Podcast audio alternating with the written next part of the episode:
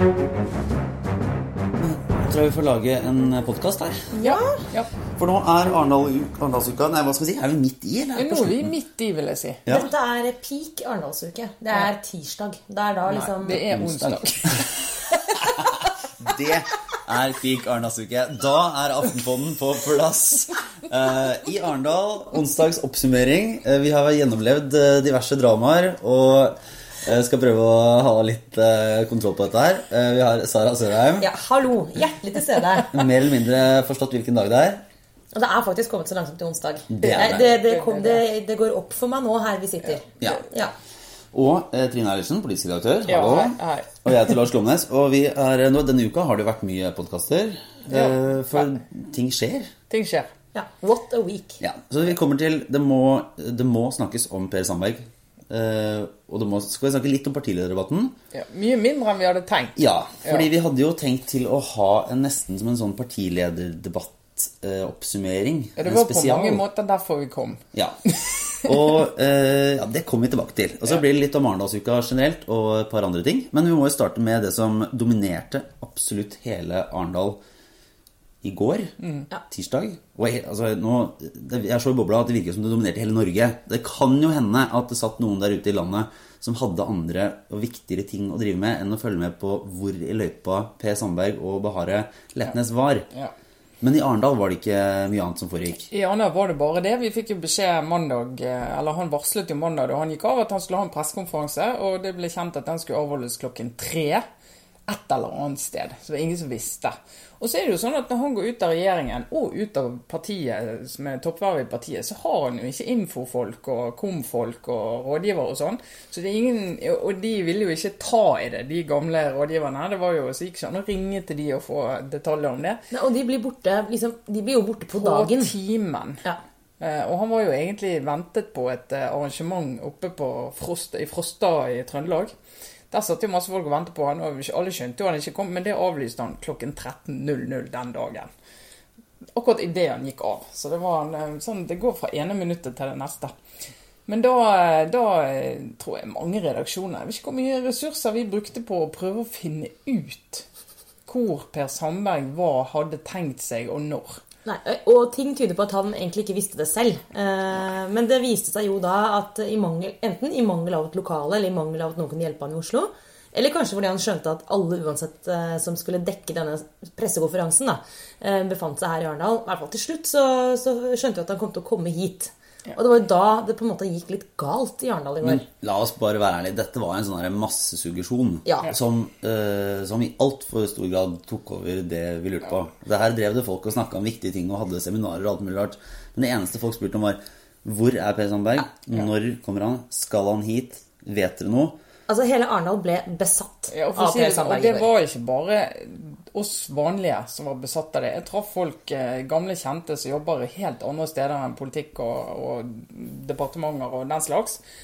Og det var det de spurte om. Hei, hvor er Per Sandberg? Så det var en eh, I hvert fall her var det det som var temaet. Ja. Pluss at info altså i Normalt da, så er det sånn at eh, vi, vi i pressen vi spør jo rådgiverne altså Det er jo alltid folk i, i apparatet, f.eks. hvis noe skjer i regjeringen, som, som er informert. sant? Så Det gjelder å finne den rådgiveren eller de personene som vi tror at vet noe, og så spør vi sånn Du, vet du, når skjer det?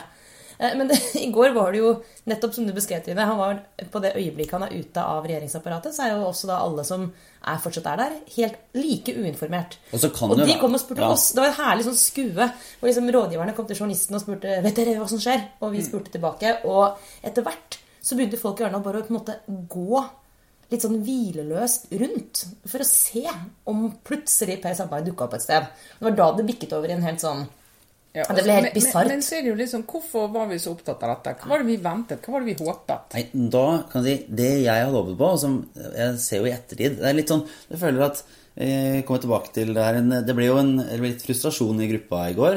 Ja. Eh, Særlig kanskje fra meg, for jeg var bare ble litt sånn sliten og lei av hele denne ventinga. Det var du jo flink å skjule. Ja. det er så bra. Vi kan jo bare allerede nå røpe at alle ble sure etter hvert i går. Men Lars, du ble mest sur, og du ble det først. Ja, og lengst. Ja, og Ja, lengst. ja.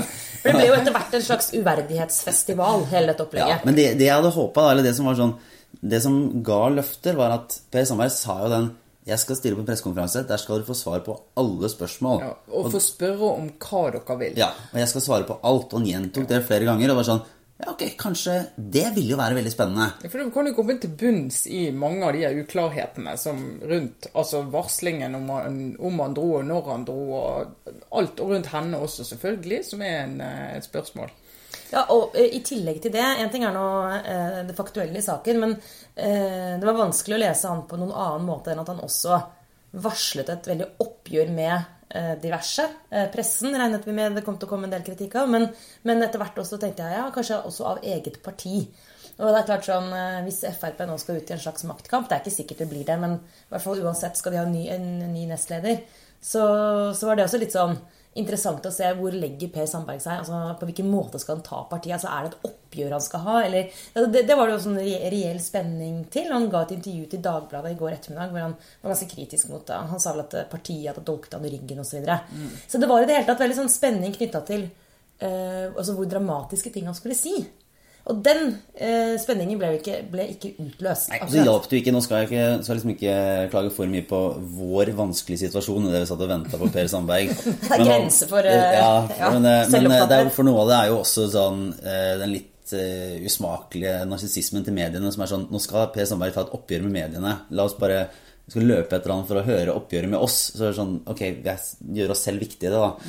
Men eh, det hjalp ikke på liksom, stemningen i pressekorpset at vi satt i to timer inne i verdens varmeste lille bar og hørte på, åpne vinduene. ja, og hørte på uh, Martin Kolbergs utlegninger om sosialdemokratiet, som kunne vært veldig interessant på en litt annen dag, men her ble det bare en, eh, en ventepause. Ja, men vi må bare jo- forklare, ja. Lars, for du, fordi akkurat settingen Ja. Vi må bare male det bildet litt mer for, eh, for de av dere som Og det var jo de fleste, tross alt, som ikke var her.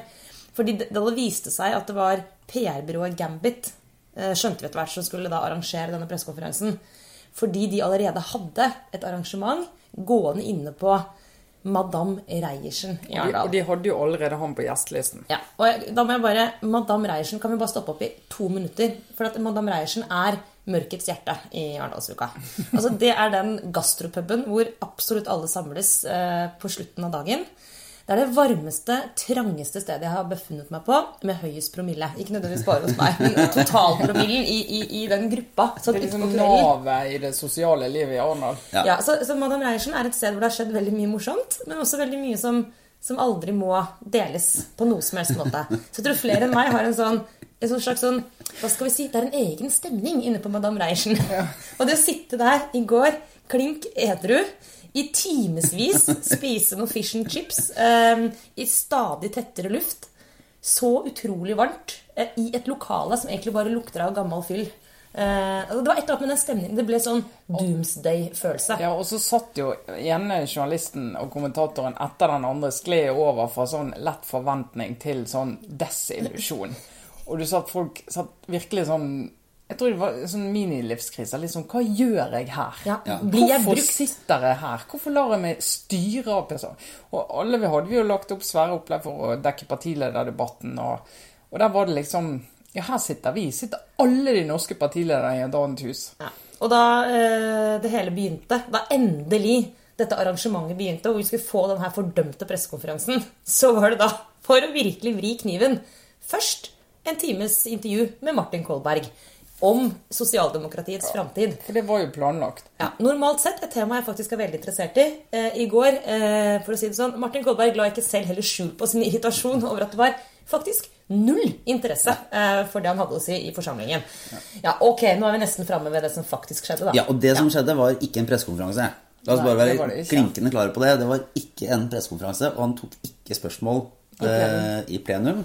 Eh, noe som gjorde at eh, det var en veldig, veldig rar seanse med Steinkore Kristiansen og eh, Kolve, som var tidligere, André Kolve, som var tidligere rådgiver for Per Sandberg, som satt og stilte det jeg mener er sånn total fluff-spørsmål om hvordan han hadde det og følte det. Ja. Og det var Skavlan, ikke Dagsnytt 18, for å si det sånn. Ja.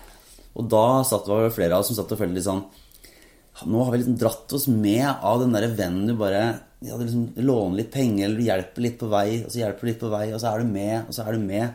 Og så til slutt så blir det bare surr, den der planen uansett. Fordi Og sitter der sånn hvorfor, hvorfor lot jeg meg lure av det her? Hvorfor, hvorfor endte vi opp med å sitte og høre veldig lite spesifikke anklager mot eh, media, mot partifeller? Helt eh, lite konkret. Ja, og så så- lurte på om liksom, lærte vi noe av det? Nei, og det, det som slo meg da jeg satt der, jeg på, fra han gikk av til i dag, så har han jo åpenbart inngått en bokavtale. Han skal jo, de skal jo skrive en bok eh, på Juritzen forlag som kommer ut i, om et par måneder. Han sa jo det, han skulle skrive en knakende bok, eh, god bok på veldig kort tid. Ja, lykke til med det. Eh, og, og da virker det på meg som han etter han lovet å ha den pressekonferansen, så har han blitt enig med seg sjøl og forlaget om at du kan jo ikke si alt på den pressekonferansen, for da er det ikke vits å skrive den boken. Altså Du må jo ha det i boken, for da kan du faktisk tjene penger på den historien, og ikke bare tømme alt dagen etter, etter det hendte. Eh, han kom i hvert fall og sa jo egentlig ingenting nytt. Sa et par eh, oppsiktsvekkende ting, riktignok. Det er at de har knyttet til seg en del advokater som skal hjelpe dem med å gå gjennom all mediedekningen. Og det han understreket som han, med disse advokatene, det var, det var at de var, hadde ikke norsk statsborgerskap. Så det skal vi i hvert fall ikke ha. Ja, bare, Altså, det var et av veldig mange absurde øyeblikk. Det andre var jo også at uh, Bahareh Letnes, tror vi som en spøk, sa at eh, nå når de hadde fått fri, da, eller nå som han var ferdig i jobben, så skulle de reise mye på ferie til uh, uh, diktaturer. Ja. eh, for å bli kjent med folket der. Støtte folket. altså, det er en TV- TV-konsept jeg eh, vil ha. Altså, nå sier Jeg noe så, altså, jeg tenkte på det, jeg heter ikke det Idiots Abroad. altså, unnskyld, men Jeg mener ikke å være nedlatende, men det har jeg jo en perfekt oppfølger til. Altså Sesong fire av Idiots Abroad. Eh, men det er mulig det var en spøk, altså, men det var så vanskelig å forstå den settingen i går. Det, altså, det var så absurd. Også når Per Sandberg eh, plutselig begynte å snakke om at eh, Han sa nå skal jeg komme med en nyhet her. Eh, Bahar- Letnes har AUF-bakgrunn. Eh, og hvorfor, har ikke, hvorfor prøvde ikke da Arbeiderpartiet å liksom få orden på henne hvis hun faktisk skulle være spion? Og så sa han hva sier du til det? Hamas-Støre. Og da så mistet jeg helt tråden. Bare, hva, hvor kom det fra? Det var mange sånne innskutte bisetninger og slengkommentarer som, som egentlig var oppsiktsvekkende. Men problemet med det intervjuet Og nå lager jeg sånn gåseøyne her vi sitter, eh, fordi det var ikke et ekte intervju, egentlig. Men problemet var nemlig at eh, han ble aldri konfrontert med noe av det han sa. Så det ble en sånn ordstrøm, en slags sånn rant. Eh, noe substans innimellom. Men først og fremst egentlig lite å hente sånn faktuelt. Ja, altså, saken har ikke kommet noe videre. Han har, han, har rett og slett, han har endret litt av bildet fra det som sto igjen etter mandagen da han gikk av. For Han sa jo det at det var jo tre feil han har gjort. Uh, han har uh, glemte å varsle, sier han. Mens rett før helgen så sa han jo at det var helt bevisst at han glemte å varsle SMK om at han skulle til Iran. Og det ble han jo ikke konfrontert med. Glemte du det, eller, eller gjorde du det bevisst? Og så var det denne mobiltelefonen.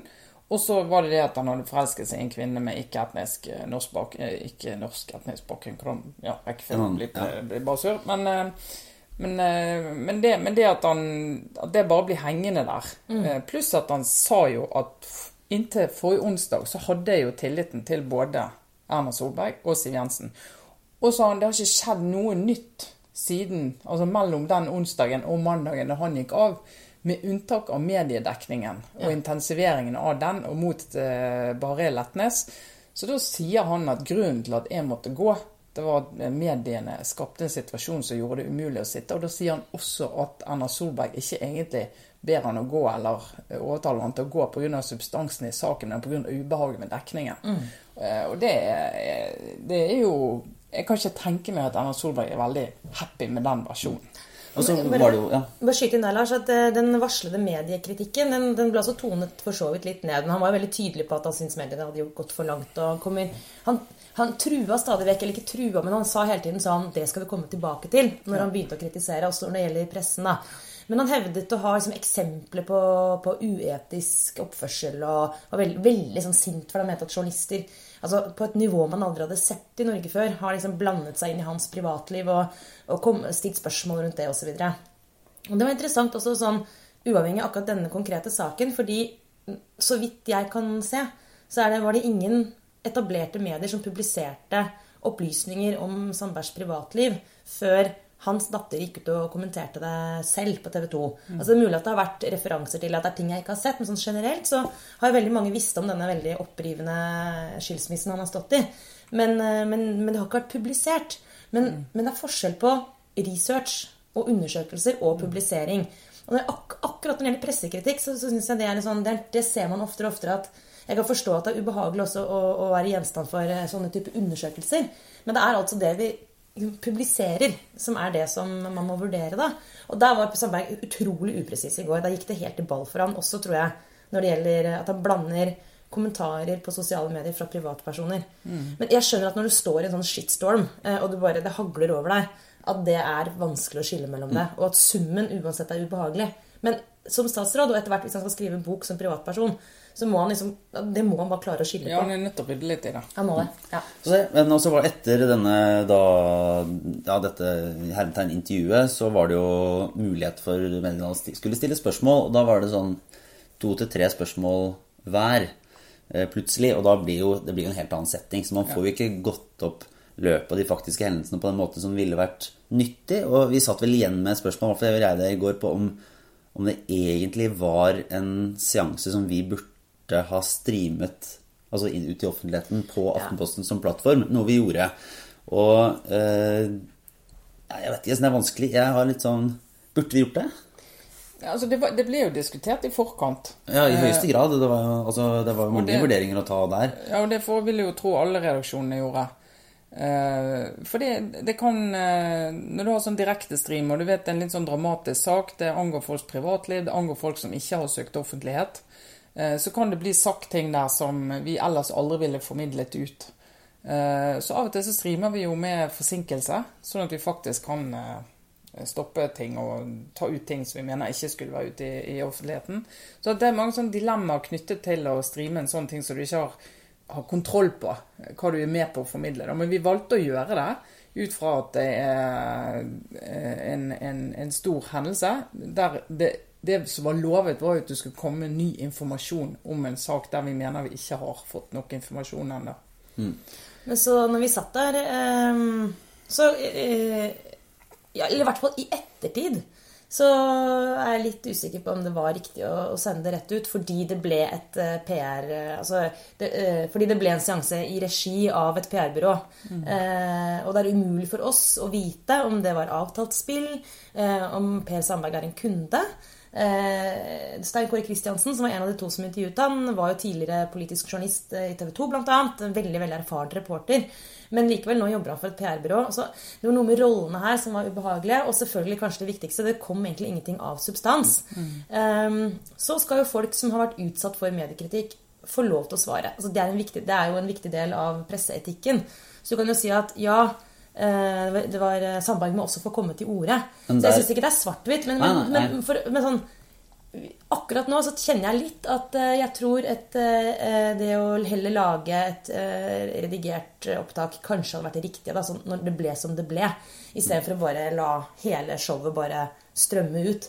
Men det var veldig vanskelig avgjørelse. En viktig ting med at, at han har, altså Per Sandberg må jo få lov til å svare på kritisk mediedekning, men han har jo altså Er det én ting mediene har gjort de siste ukene, så er det jo å stille mye plass til rådighet for ham til å svare. Fordi han har blitt, eh, han blitt eh, utfordra på ting og fått muligheten til å svare hver dag. Mm. Og så er det varierende grad om han har villet ta den, eller, eller kunnet, eller kunnet svare. Men det jeg tenker, jeg, jeg, egentlig ikke, jeg tror konklusjonen min i hvert fall er ikke at jeg forstår veldig godt at man beslutta å sende den. Og jeg tror det ville jeg også sagt ja til. Men av og til så ser du liksom halvveis eller uti at dette blir ikke helt bra. Ja. Uh, og, og, det er liksom ikke sånn som du kan diskutere og si sånn Ja, det var helt åpenbart at, man, at mediene burde bare tia i hjel Per Sandberg her. For det var en hel forventning ja, hos veldig veldig mange. Det hadde jo åpenbart offentlighetens interesse ja. at han skulle på en måte fortelle sin historie. Men vi ble jo brukt. Ja. Egentlig. Mm. Vi satt, altså jeg fikk den følelsen at vi satt der som sånne lydige ja, og På et tidspunkt så kom det jo melding om at uh, denne pressekonferansen skulle skje klokken 21.30. Det var akkurat når partilederdebatten skulle begynne. Mm. Uh, og det var jo en veldig sånn diskusjon her nede. Skal, skal vi la Per Sandberg sitt behov for optimal og maksimal oppmerksomhet uh, skyggelegge for de som faktisk sitter og prøver å lage og styre og politikk i dette landet? Og det gjorde vi jo. Ja, vi delte oss jo litt, da. Det Ja. gjorde vi. Så vi hadde jo folk begge steder, og det så alle redaksjonene hadde. Men det er klart det hadde vært mye mer trøkk rundt, rundt partilederdebatten hvis eh, han hadde valgt eh, klokken tre.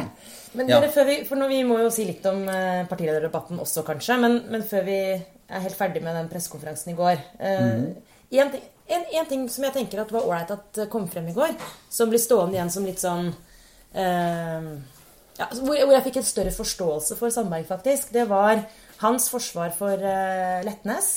eh, og hans raseri eh, over det hun på en måte har blitt i hans ord da, liksom, utsatt for. Men ordbruken hans er helt over alle støvleskaft. Han snakker om at pressen har henrettet henne. Altså, bare, det, bare det er helt sykt. Men det jeg kan forstå, er at hvis hun faktisk ikke har eh, gjort noe annet eh, enn det hun selv hevder å ha gjort, hvis det er helt feil at hun på noen som helst måte står i kontakt med det iranske regimet osv., og, så videre, og det vet vi virkelig ingenting om, så kan jeg forstå akkurat det sinnet.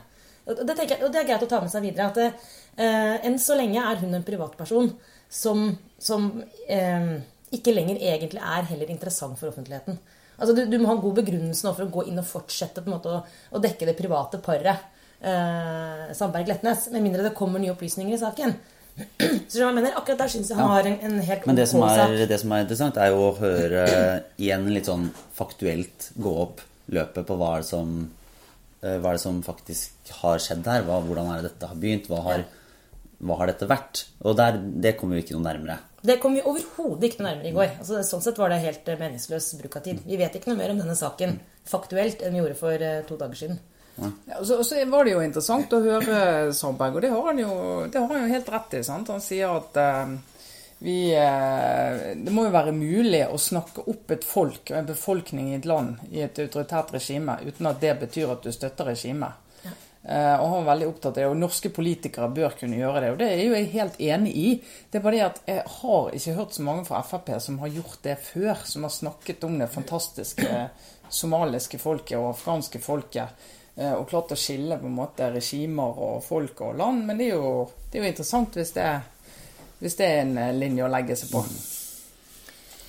Sånn, Hvis det er en liten lyd i bakgrunnen nå, så er det Harald Stanghelle som tar seg et, en liten flaske med, flaske med vann.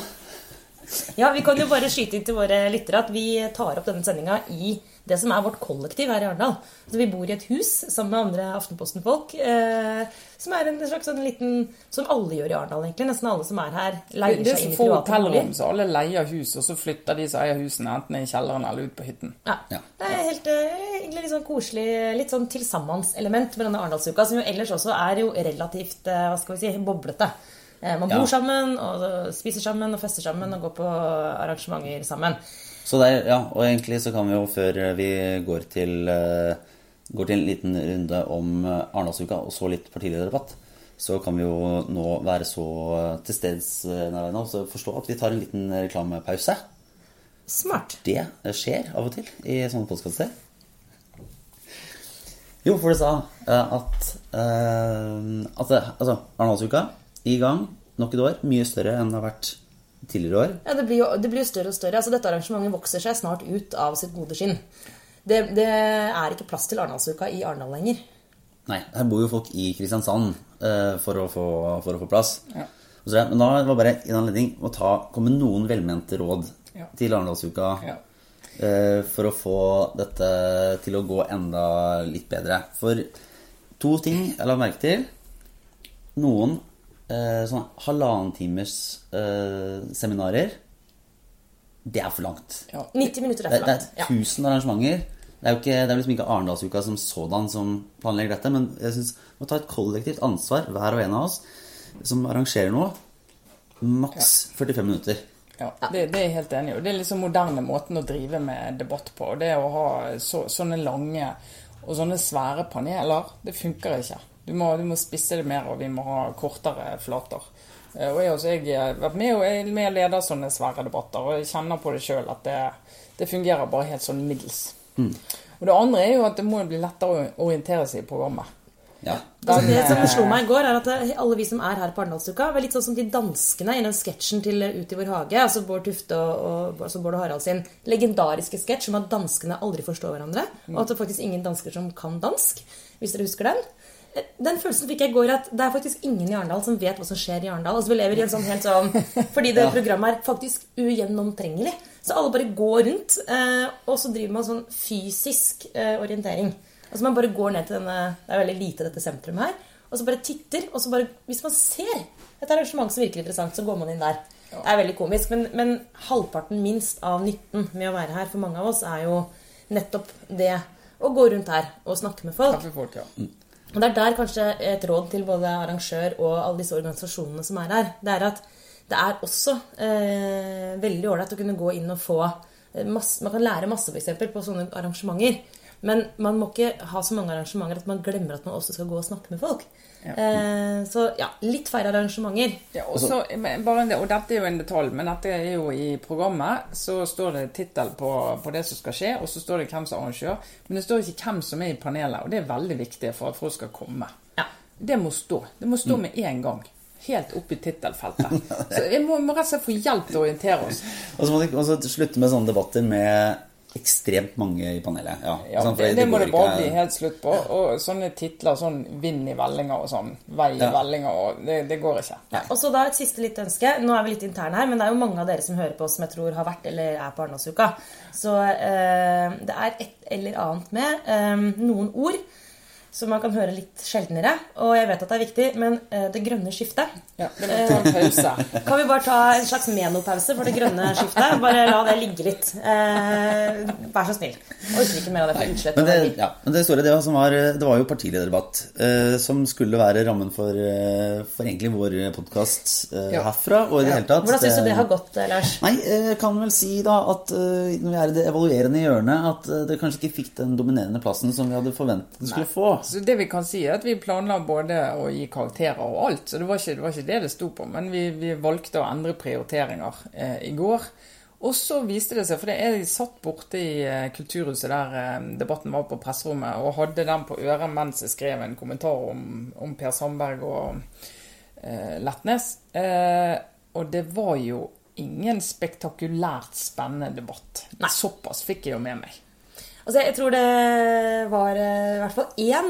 Eh, Jeg så ikke helt hvordan det slo ut for han i debatten, men jeg kan røpe, siden vi snakket om hvordan alle går på hverandre i Arendal, at vi møtte på Jonas Gahr Støre på vei til den debatten. Eh, Og det er mulig det var tilfeldig, kanskje skyldes det en, en lang og god sommerferie, men han så utrolig glad ut. Altså, han var, Lett i steget. Litt i steget, og, og, og egentlig pratsom og blid. Og jeg tenkte at for han Altså, Han skulle sikkert ønske seg at flere brydde seg om partilederdebatten i går, men det må ha vært deilig for han at uh, skandalen hadde flytta seg til et annet sted, til et annet parti. Ja. Uh, uh, I går Nei, unnskyld, nå går jeg sur. Men i forgårs så var det sånn at alle representantene for den konflikten i Arbeiderpartiet befant seg inne på dette Madame Reiersen liksom sent på kvelden.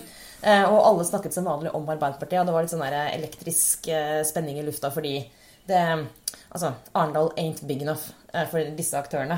Eh, Men da, når Per Sandberg kom feiende inn i går, så var det akkurat som at alle hadde glemt eh, dette dramaet. Og det, det tror jeg nesten man kunne se på partilederens måte å bevege seg rundt på. Ja. Og så er det Se hvor lenge det varer. Men det var nesten så det var han vel lunt. En helt annen setting å ha partilederdebatt i når det ikke er valg. Ja. Altså, Det er ikke så mye som står på spill. Nei, de er jo mye mindre tense, sant. Det er det jo. Men, men det, jeg bare tenkte på det, for vi gir jo karakterer eh, ofte på sånne partilederdebatter.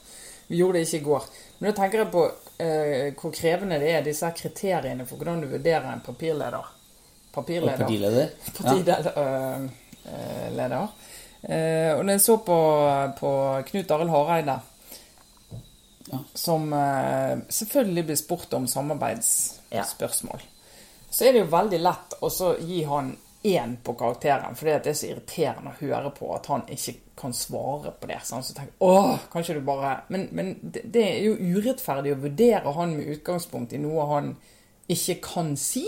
Ja. Så du må jo på en måte vurdere han med utgangspunkt i Ja, du kan ikke si det, for du har, det er ikke avklart i partiet. Du må liksom forstå og ha respekt for. Hvordan håndterer han det? Håndterer han det greit? sant? Og da tenkte jeg at eh, ok, magefølelsen først var at jeg, ble, jeg blir så irritert over at han står der og famler at jeg har lyst til å gi han en ener. Men så når jeg ser på det en gang til, så tenker jeg nei, han kan ikke si mer. Og gitt det, så trekker jeg han opp et par karakterer. Ikke femmer! Men jeg synes så inne på noe interessant der, Trine. Det blir jo et av de eh, viktigste spørsmålene denne politiske høsten. Det er jo hvor KrF lander eh, i dette spørsmålet. Men jeg plukker også opp en eh, stigende irritasjon eh, blant folk, særlig da i, altså på, på borgerlig side, eh, over Hareide. Og det kan være rettferdig eller urettferdig, men den uavklarte situasjonen begynner på en måte å Det, ligger der som en sånn Ja, som et sånt lite gnagsår. Eh, og den stilen han har lagt seg på som debattant, er litt krevende i en, i en sånn setting. Uh, han har jo hatt suksess med å bruke humor uh, og velformulerte små Nesten sånn i nærheten av slapsticks. Uh, overraskende fra en KrF-leder. Og han har liksom i flere år Han, i mine øyne, har egentlig på en veldig smart måte utnytta kontrasten mellom partiet og det ganske trauste som han tross alt forbinder med KrF, og den lette tonen. Men den lette tonen eh, i en situasjon hvor han egentlig sitter i et, midt i et så alvorlig spørsmål, som kommer til å få så dramatisk, eller kan få så dramatiske utslag for norsk politikk, det bare det det er ikke humor folk vil ha, da. Så det der blir interessant å se om han Det er jeg helt enig i. Ja. Før så kunne han, han kunne snakke tydeligere om nesten alt. For nå kan han nesten ikke snakke tydelig om noe annet unntatt menneskeverd.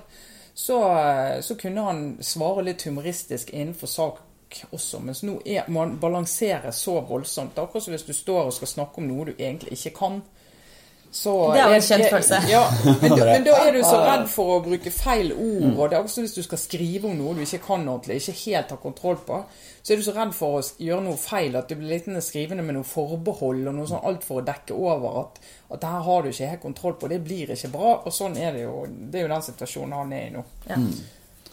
Så, men eh, det, var, det er vel Hva skal jeg si Den store eh, evalueringa av eh, partilederdebattene får eh, vente til vi til en ny sjanse for, eh, for dere. Neste år blir det jo nok, nok av det. Ja, men eh, før vi runder av, så blir det en runde med obligatorisk refleksjon. Vi har jo tenkt på litt av hvert. her vi går rundt og følger med på det som skjer. Altså, jeg har eh, jo vært inne i bobla, eh, som dere forstår. Glemt hvilken dag det er. Jeg har ikke glemt hvor jeg er, men jeg har ofte glemt hva jeg skal. Og jeg glemte igjen jakka mi veldig mye rundt omkring her i Arendal. Men eh, det ene jeg har gjort som ikke tilhører Arendalsbobla, er å kose meg med det lille, lille klippet av Boris Johnson som møter pressefolkene som står utenfor Jeg tror det er hans eget gods. I hvert fall et gods i Storbritannia. Jeg bare, jeg bare antar at Boris Johnson bor på et gods. Jeg har ikke sjekka det, faktisk.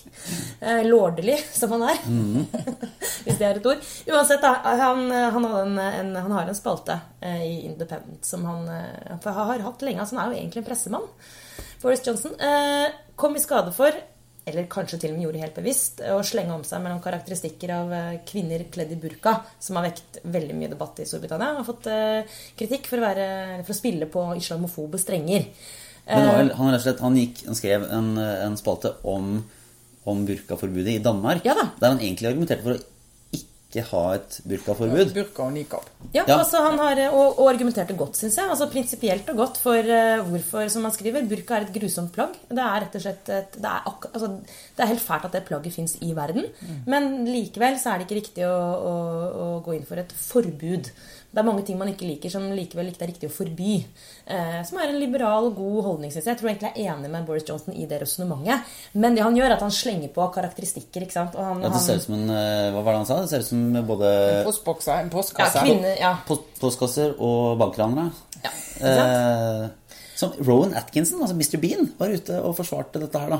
Han mente at dette var en eh, humorfaglig, Ja. helt solid sammenligning. Og, Men, men jeg, jeg merker at jeg blir jo Nå har jo, har jo ikke jeg Jeg har faktisk riktignok en burka, det har jeg, for det kommer jeg til å kjøpe med en gang.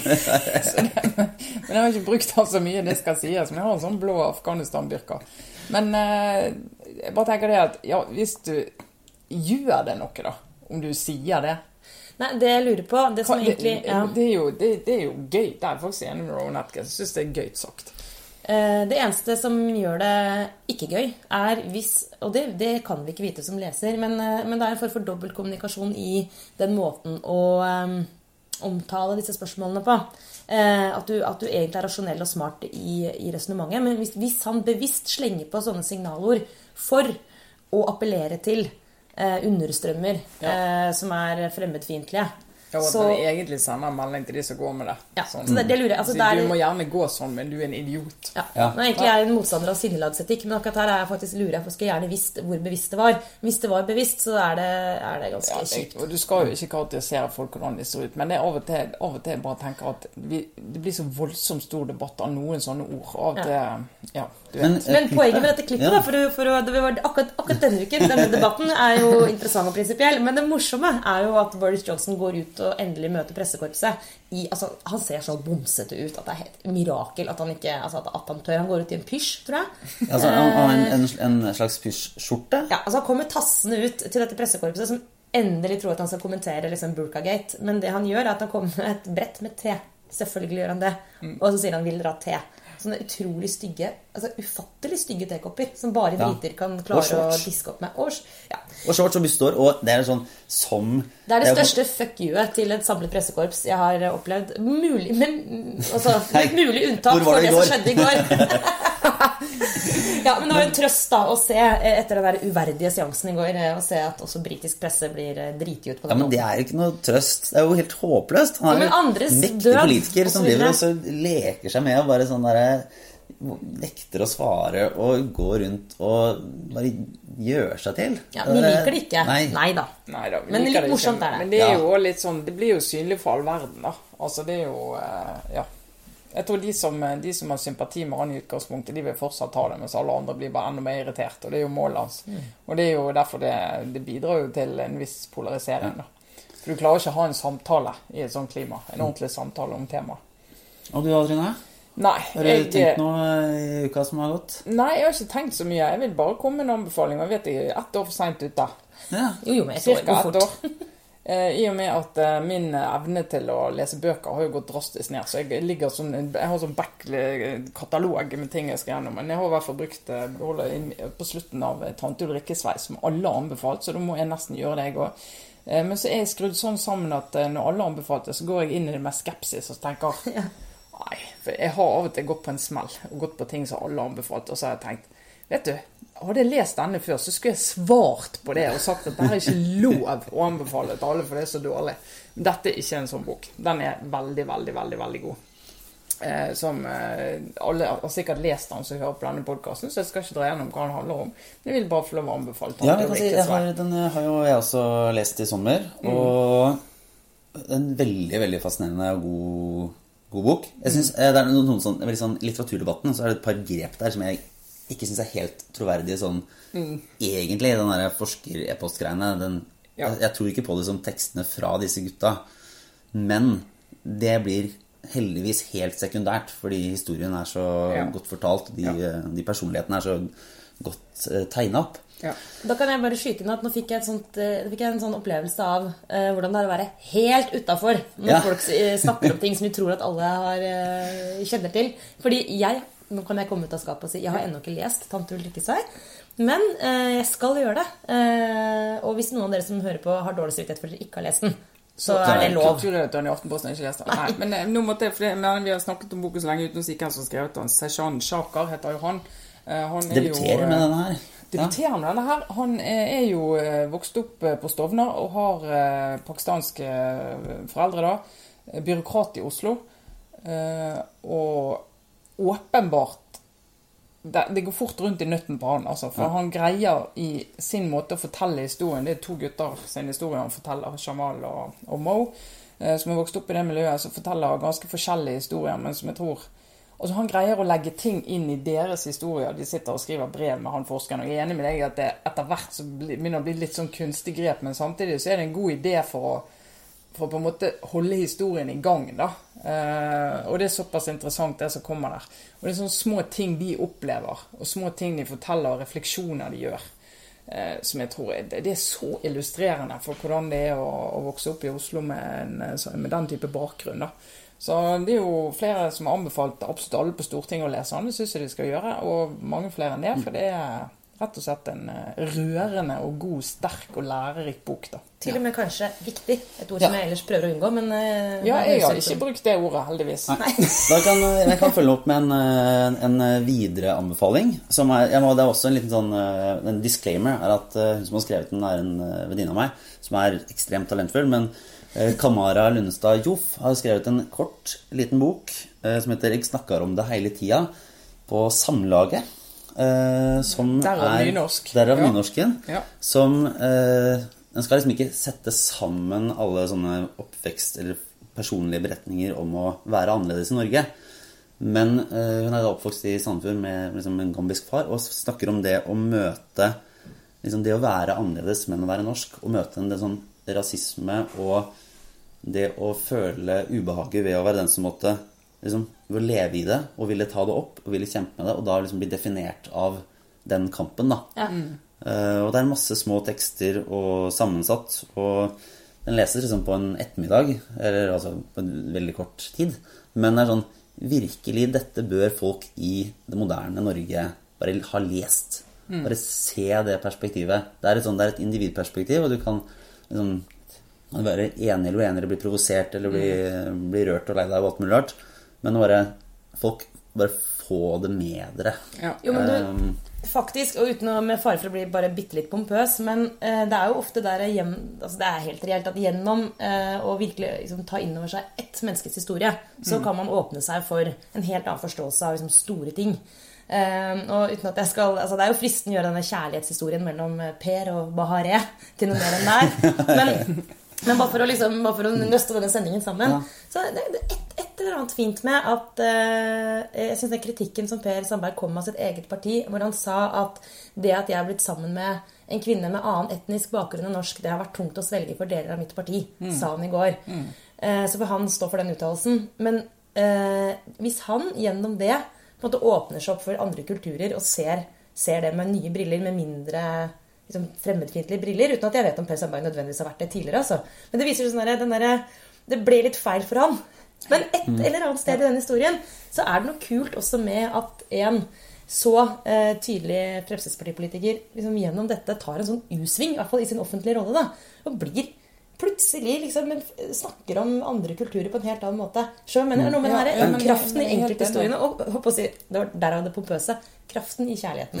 Er. Ja, men, men, men det er jo det hvis Per Sandberg hadde brukt denne anledningen til å, å gå i dybden på akkurat det. fordi at altså Jeg tenkte på det, jeg leste i, i ganske tidlig i Tante Ulrikkes vei, så opplever han ene som ganske liten gutt. Jeg kan tenke meg han er en syv-åtte år.